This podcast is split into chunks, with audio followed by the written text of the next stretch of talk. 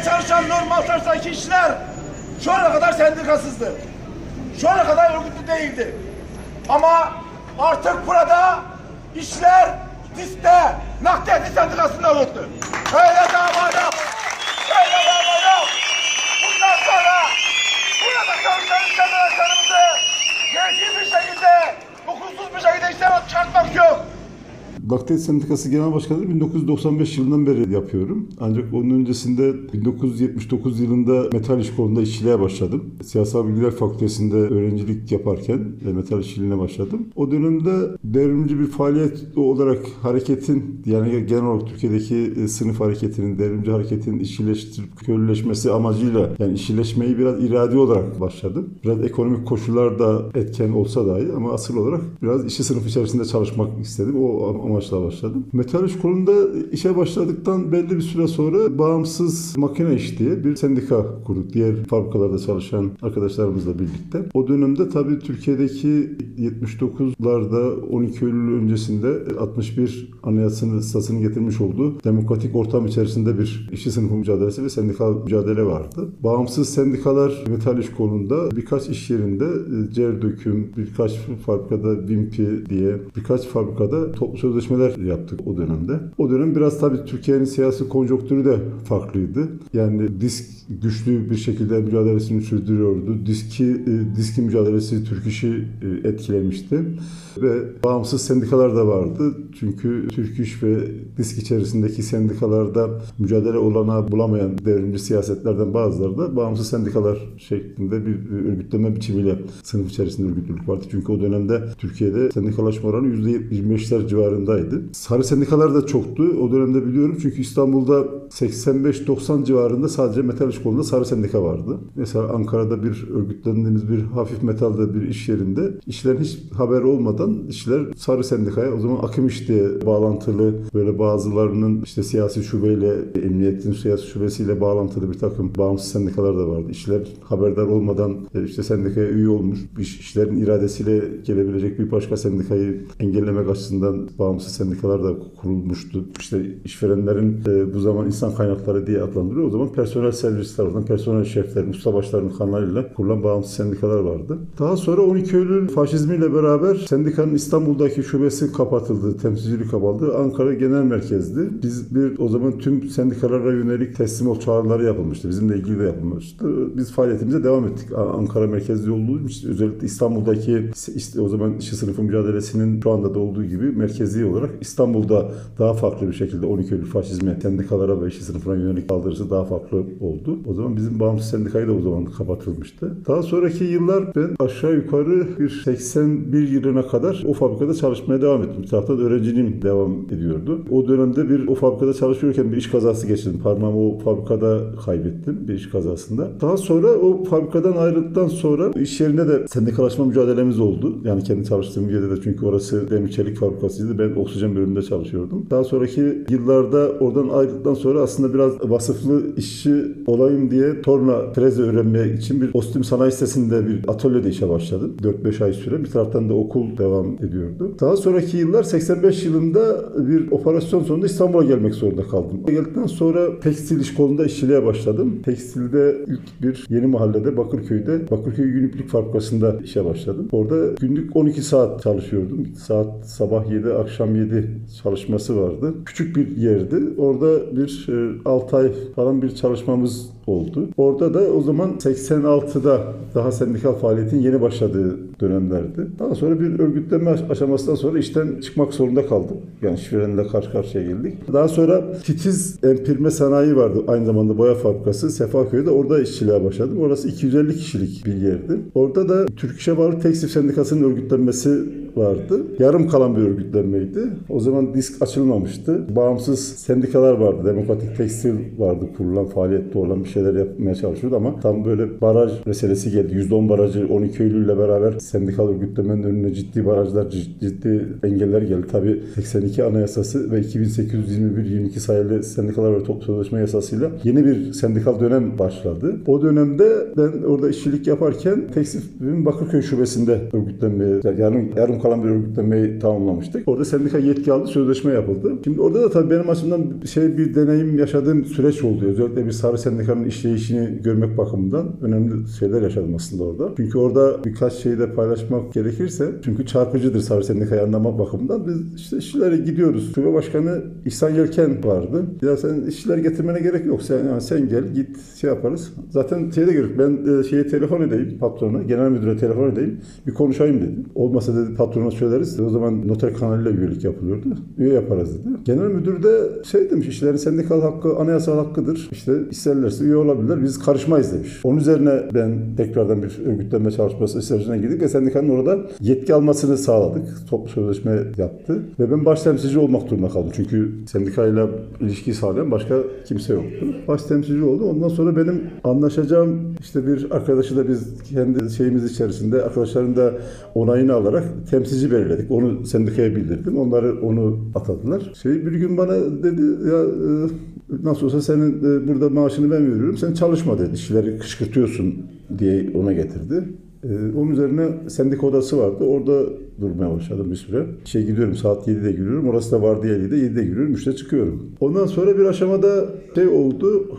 Dedi ya sen bu kadar insanı temsil ediyorsun, e, az para alıyorsun, şey yapalım. Yani fazladan mesai yazalım. Sen bu kadar insanı e, temsil ediyorsun. Hatta şube başkanı ya sen bu kadar insanı temsil ediyorsun. Sen hem bir taraftan personel müdürü söylüyor bana fazla mesai işte ücretin bu kadar insanı temsil ediyorsun şey yapalım diye. Sendika başkanı da bana ya sen her gün gelip gitmene gerek yok. Yani sen haftada bir gün gel, iki gün gel. Yani orada işte sendikaya karşı kim şey yapıyor falan onları söyle biz işten çıkartalım falan diye.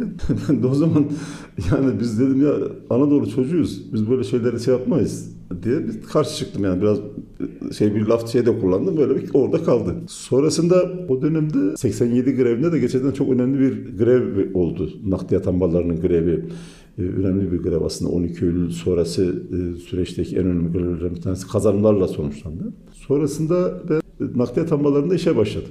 Şen İzmir nakliyat ambarında işe başladım. Belli bir süre işe başladıktan sonra şube kongresi oldu ve şubede şube sekreteri oldum TÜMPİ Sendikası'nda. Daha sonraki dönem disk açıldı, nakliyat iş e, açıldı. Nakliyat iş TÜMPİS'e katılma kararı aldı. Daha sonra o Birleşme e, Genel Kurulu'na itiraz edildi. Nakliyat tekrardan açıldı. O zaman biz e, bir dönem ben kargolarda kargoda işçiliğe başladım. İstanbul Express Kargo'da ve Star Kargo'da e, Taksim tarafındaki şubelerde e, işçiliğe başladım. Daha sonra da o e, nakliyat işin açılması ve mücadelesi sürecinde de e, Aras Kargo işgali oldu Ankara'da 1994 yılında önemli bir e, işgal eylemiydi. Burada o süreçte direniş başladı. Burada Anadolu Kargo vardı o zaman. O dönemde de kargolarda bir örgütlenme mücadelesi oldu. Bizimle çalıştığımız o süreçte beraber naftaya yetiş mücadelesi içerisinde biz artık dahil olduk. Ve 95 yılında yapılan kongrede de ben genel başkanlığa seçildim ve oradan bu zamana kadar e, gelmiş olduk. Şimdi bizim muayene istasyonlarındaki örgütlenmemiz 2009-2010 yılından beri devam eden bir süreç. Aslında Türkiye'de muayene hizmetleri daha önce karayolları tarafından, Ulaştırma Bakanlığı tarafından yapılıyordu. Özelleştirildi. Muayene istasyonları açılmaya başladı 2008'den itibaren. Biz iş konu tespiti istedik ve ilk toplu sözleşmeyi İstanbul'da yaptık. Daha sonra Bursa'da TÜSÜT araç muayene istasyonunda örgütlendik. Orada yaptık. Ergene'de e, yine Kırklareli ve Edirne'deki yerde top sözleşmemiz var. Diğer yerlerde de örgütleme çalışmalarımız var. Burada da karşılaştığımız ve şu anda devam eden biraz önce sizin de söylediğiniz gibi Muğla'da örgütlememiz var. Muğla Araç Muayene İstasyonu'nda. Şanlıurfa Polçak Araç Muayene İstasyonu'nda var. Eskişehir, Zonguldak, Karabük, Kastamonu, Bartın'ın dahil olduğu Reysaş araç muayene istasyonları var. Buralarda toplam yüzün üzerinde iş arkadaşımız sadece sendikalaşmadan dolayı işten çıkartıldı. Burada bir taraftan İşin hukuki e, mücadelesi devam ediyor. Yani işte e, yetkilere itiraz ediliyor. Onların yetki davaları devam ediyor uzun süreçte. Bir taraftan da orada direnişlerimiz devam ediyor.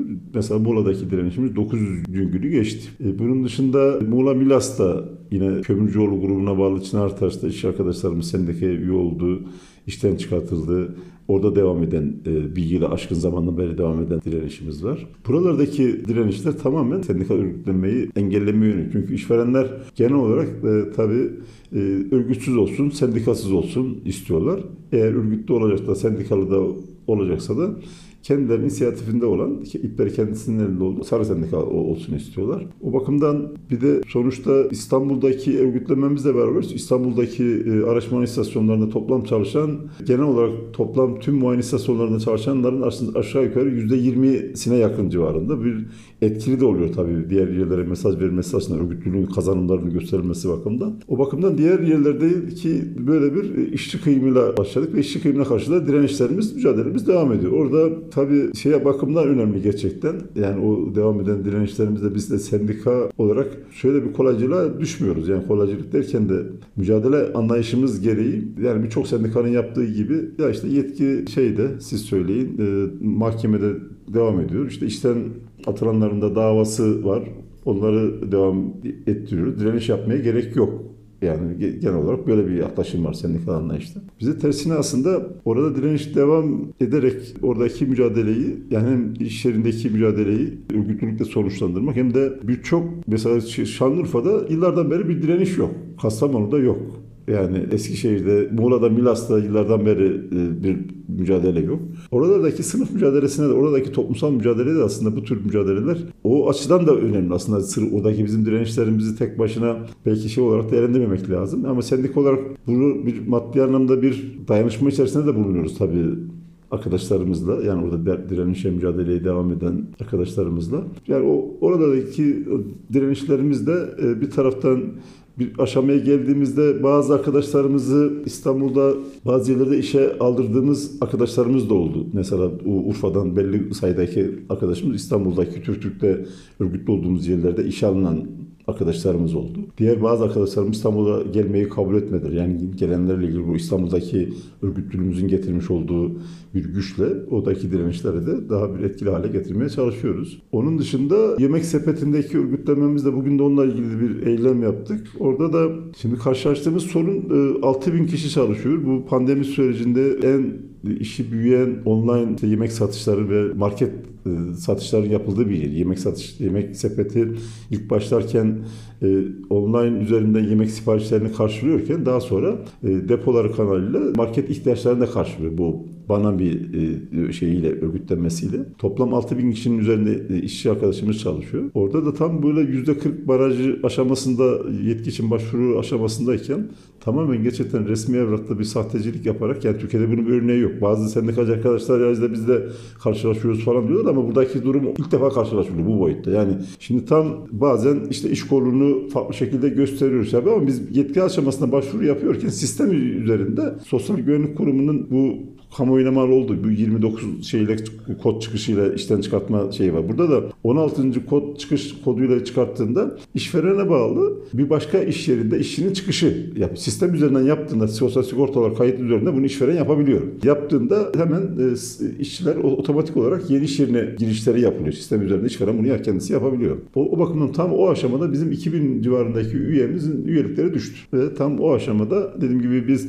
her şeye rağmen bir başvurumuz var. Şimdi bunda ilgili de mücadelemiz devam ediyor. Çünkü tamamen bu örgütlenmenin önünde bir ciddi anlamda bir e, sahtekarlık, evrakta sahteciliğe giren her türlü kanunsuz da aslında kanunsuz da ve e, fiili olarak da yani bunun bu şekilde bir ahlaki olmayan şeylerle engellemeye çalışılan bir şey.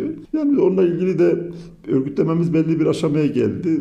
Çünkü bu Beril Hero denilen bir Alman grup tarafından alındı 2015 yılında. Onu bağlı işte Yunanistan'da bugün sembolik de olsa bir eylem yapıldı. E, PAME üyesi olan işçiler tarafından Buraya yemek sepetine bağlı bir iş yeri var e, Atina'da onun önünde. Geçtiğimiz günlerde e, Fransa'da Lyon kentinde yapıldığı SGT üyesi olan işçiler tarafından bir dayanışma eylemi. Uluslararası dayanışmayla buradaki eylem burada da bugün konuşmamda da söyledim. Tabii biz mücadeleyi işçi sınıfının bir mücadele aracı yani sınıfın ekonomik mücadele aracı olarak görüyoruz. Sadece bir toplu sözleşme sendikacılığı gibi bir şey değil. Şeye karşı işveren sınıfına karşı sermaye sınıfına karşı bir ekonomik mücadele aracı olarak görüyoruz. O bakımdan da yoksa şeyle ilgili aslında suç duyurusunda bulunduk. Bakanlığa işte müfettiş incelemesinde bulunduk. Onun sonucuna göre bir takım gelişmeler e, de olabilir ama onu orada orayla sınırlandırmayı düşünmüyoruz. Yani e, aynı zamanda da bir boykot meselesi de gündemde. Yemek sepetinin boykot çalışma şeyiyle ilgili olarak bazı sendikalarla görüşüyoruz. Yani bir etkili bir boykot çağrısı yapmayı çünkü buradaki bir de sadece aslında onu anlatmaya çalışıyoruz bazı sendikalara. Bu sadece bizim nakliyat sendikasının meselesi değil. Çalışma Bakanlığı müsteşarıyla da ben görüştüğümde o zaman her bir iş yerinde bir örgütlenmeden haberdar olan iş, işveren işi çıkartmasına falan da gerek yok. Hemen sistem üzerinde şeyi değiştirdiği anda iş kolu değiştirdiği anda o anda boşa düşürüyor. Yani bunun böyle bir şey var yani hiçbir şekilde kabul edilemez. Çünkü var olan kendi hukuk kurallarında şey yapan. O bakımdan bu mücadeleyi o yönüyle de yani bir çünkü diğer tüm Türkiye işçi sınıfı mücadelesi adına da öyle olduğunu düşünerek o sorumlulukla değerlendiriyoruz ve o yönde mücadele ediyoruz. Özel makine işçileri mücadelesinde de artık birçok kesim bizi muhatap alır hale geldi. Aslında bizim iş kolda değil. Ama mücadele biraz giderek de mücadelelerin haklılığı ve meşruluğu o, dur, o durumlara getirdi. Şimdi orada real market süreciyle aslında biz o sürece bir başlamış olduk. Orada da Türkiye'deki sendikaların, sendikalar durumunun e, şey açısından gerçekten ibretlik aslında. Yani bir anlamıyla bir ona sendikalar faciası diyelim, sendikanın durumunun gelmiş olduğu ibretlik nokta diyelim. Bunu açıkça bu eleştirilerimizle yaptığımız için bazı sendikacılar bundan e, rahatsız oluyor. Rahatsız olacaksa da olacaklar. Şimdi ne yazık ki Türkiye'de Biraz önce de belli farklı aşamalarından da söz etmeye çalıştım. Türkiye'de zaman zaman sınıf hareketinin mücadelesinin yükseldiği zamanlarda sarı sendikalar bile olsa işlere bir takım haklar alır görülüyordu kağıt üzerinde. Yani bir takım iş yeri göstermelik de olsa bir takım haklar alır gözüküyordu. Ancak Türkiye'de gelinen boyutta e, öylesine bir noktaya geldi ki artık sendikalar e, bazı iş kollarında sarı sendikacılıklar da birbiriyle yarışır hale geldi. Şimdi real market örneği gerçekten çarpıcı ve insan yani vicdanı kabul edecek şeyler değil. Şimdi real marketler 1998 yılında faaliyete başlıyor ve 2014 yılına kadar belli bir aşamadan sonra Teskop Sendikası'nda örgütleniyor. Teskop Sendikası'nda örgütlendikten sonra 2014 yılında Beğendik grubuna satılıyor ve Beğendik her ne e, hesabı ya kitabı yapmışsa beğendik daha sonrasından iflas ediyor. Şu anda beğendiğin iflasına karar verildi. Realin iflasına karar verildi. Orada çalışan işçilerin büyük çoğunluğu tazminatlarını alamıyorlar. Bir kısmı daha öncesinden kapanan mağazalarda çalışanlar tazminatlarını alıyor. Bir kısmı ama büyük çoğunluğu tazminatlarını alamıyor. Şimdi bu tazminatlarını bu işe arkadaşlarımız e, Teskopi Sendikası üyesi. Normal olarak şimdi Teskopi Sendikası yasal olarak durumda şu. Satıştan önceki 2014'e kadarki olan tazminatlardan eski işveren ve grupları sorumlu. Yani 2014 yılı önceki şeylerde Metro Grup, Metro AG, e, Metro Gross Marketler artı aynı gruba bağlı olan Mediamarktlar sorumlu. Şimdi Mediamarkt'ta Teskopi Sendikası'nın kendisi örgütlü yıllardan beri. Metro Gross Marketlerde de Sosyalist Sendikası örgütlü. Şimdi ortada mağdur olmuş 700 tane real market işçisi var. Şimdi yasa açık. Yani bu konuda biz bilimsel şey de aldık, görüş de aldık Feyzi Çağlayan'dan, iş hukuku profesörü ki yani iş hukuku Feyzi Çağlayan'ın genellikle bu işveren sendikal şeylerinde, dergilerinde falan da değerlendirmeler yapar, hukuki yorumlar yapar. Yani onun yapmış olduğu bir yoruma göre eski işveren bu şeyden sorumlu. Yani işlerin en azından 1998'den 2014'e kadarki olan tazminatlarından sorumlu. Yasa da o konuda açık. Yargı kararları da. Şimdi böyle olmasına rağmen iki sendika işverenle kötü olmamak adına ya bu şeyden siz sorumlusunuz, işlerin tazminatlarını siz vereceksiniz diye bir e, açıklama içerisine girmediler.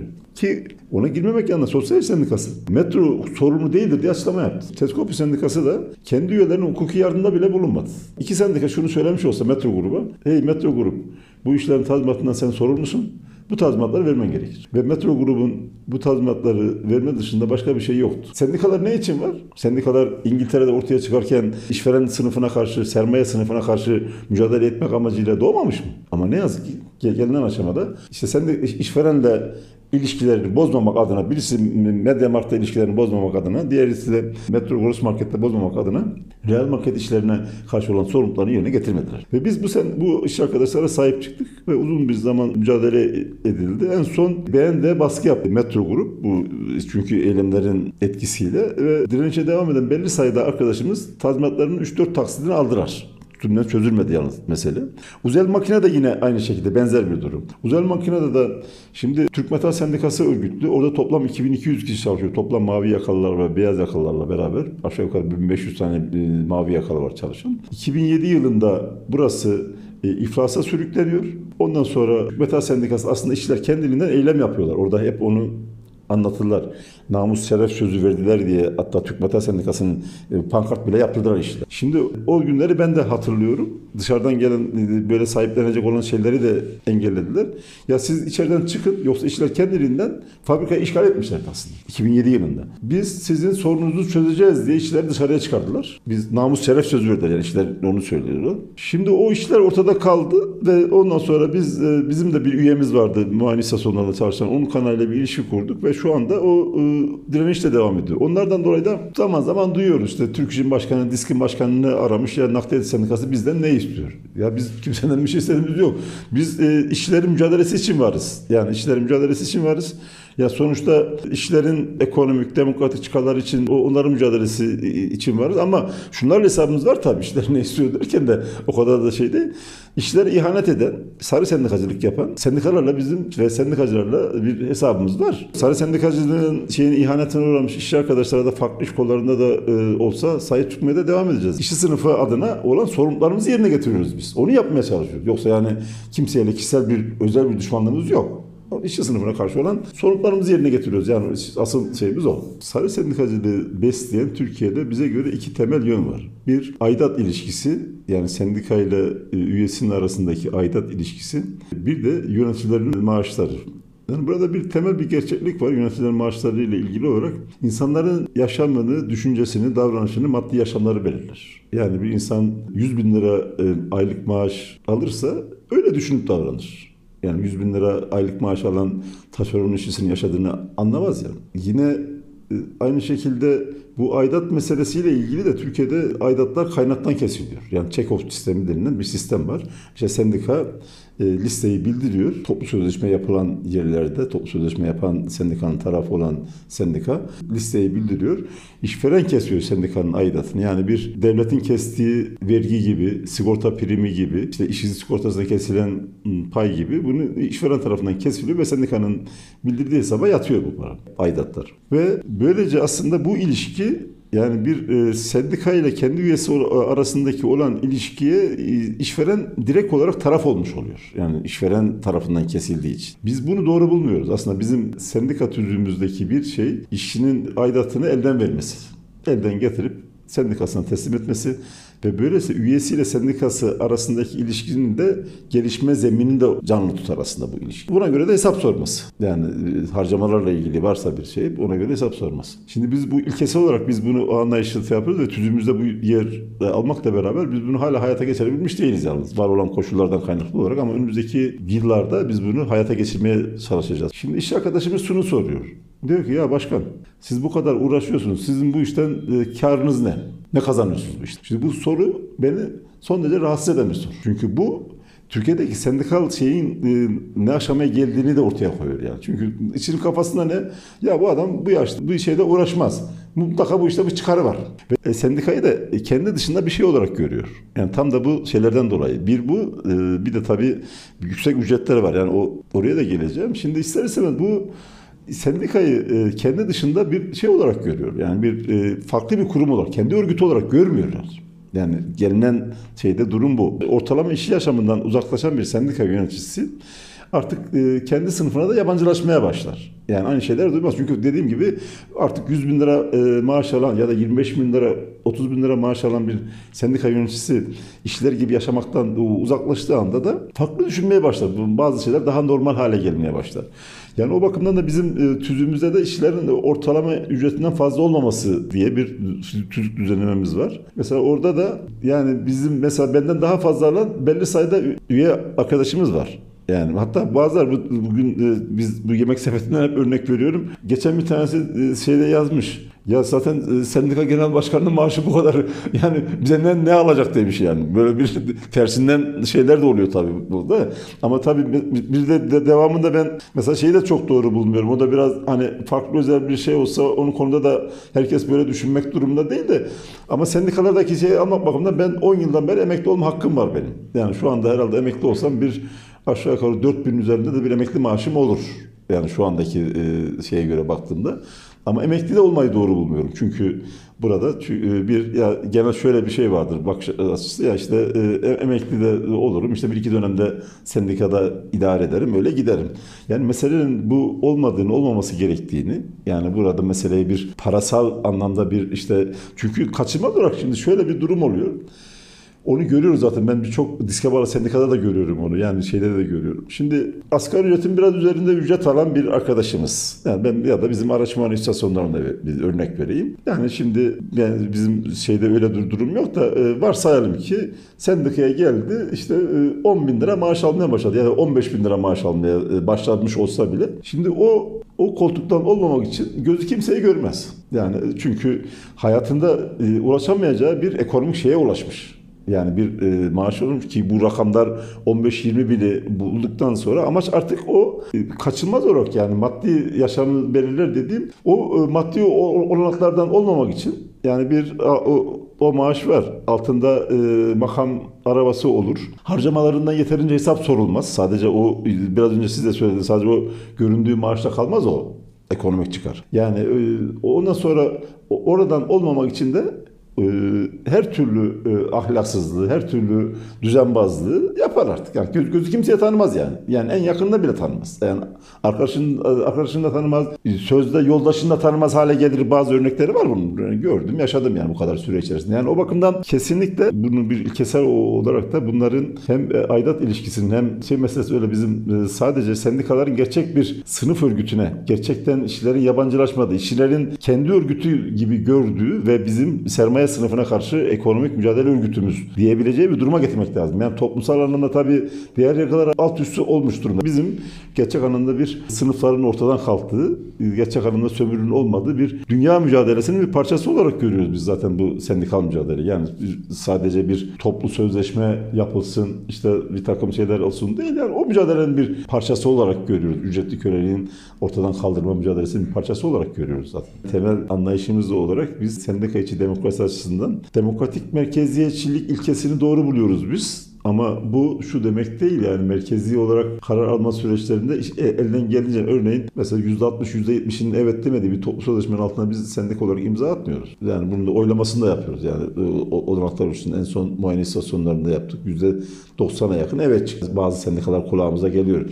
İşte ya e, farklı bölgelerdeki şeyleri kullanarak işler arasındaki iletişimcileri kullanarak farklı şeyler olduğu da söyleniyor. Bunu yapmaya çalışıyoruz. Onun dışında kadınlarla ilgili e, pozitif bir şey olsun istiyoruz. Yani gerçekten hani o konuda da çok yol aldığımız söylenemez. Zaman zaman e, 8 Mart'larda biraz şey yapıyoruz. Mesela 8 Mart'larla ilgili aslında tüm sözleşmelerimizde var biz. Yani 8 Mart Dünya Emekçi Kadınlar Günü'nde etkinliklere ücretli izinli olarak katılması diye bir şeyimiz var. Ama e, buralarda biraz da tabii bazı e, toplumsal olarak belirlenmiş bazı şeyleri yapacağımız top, ya tek sözleşmeyle ya da sendikanın mevcut şeyiyle e, aşamadığımız durumlar da var. Yoksa mesela bu dönemde işte bir disk başkanlığına biz bir kadın arkadaşımıza adayı gösterdik. O, o bakımdan yani gerçekten bunu olması yönünde bir teşvik ediyoruz. Bir çaba içerisindeyiz ama bir e, biraz da şey açısından da üye bu, çoğunluğumuz açısından da kadınların ağırlıklı olarak çalıştığı bir, bir iş kolu da değil.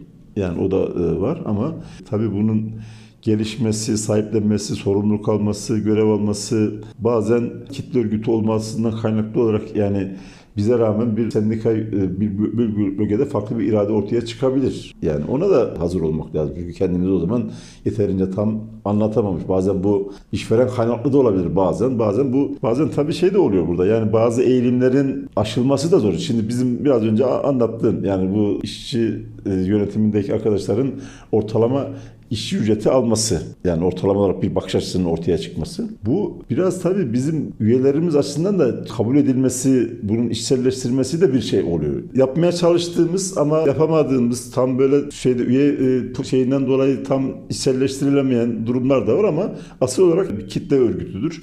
E, tüm süreçlere işlerin dahil e, olması ve bunun sonunda da bir merkezi bir şey içerisinde davranılması bakış açımız var. Bir taraftan DSF üyesiyiz. DSF çünkü sınıf temelli bir sendikal örgüt. Yani dünyada tabi sendikacılığa karşı bu emperyalizmin, CIA'nin, uluslararası tekellerin kontrol altına almaya çalıştığı sınıf hareketine karşı mücadele eden bir sınıf temelli bir mücadele örgütü. dünyadan.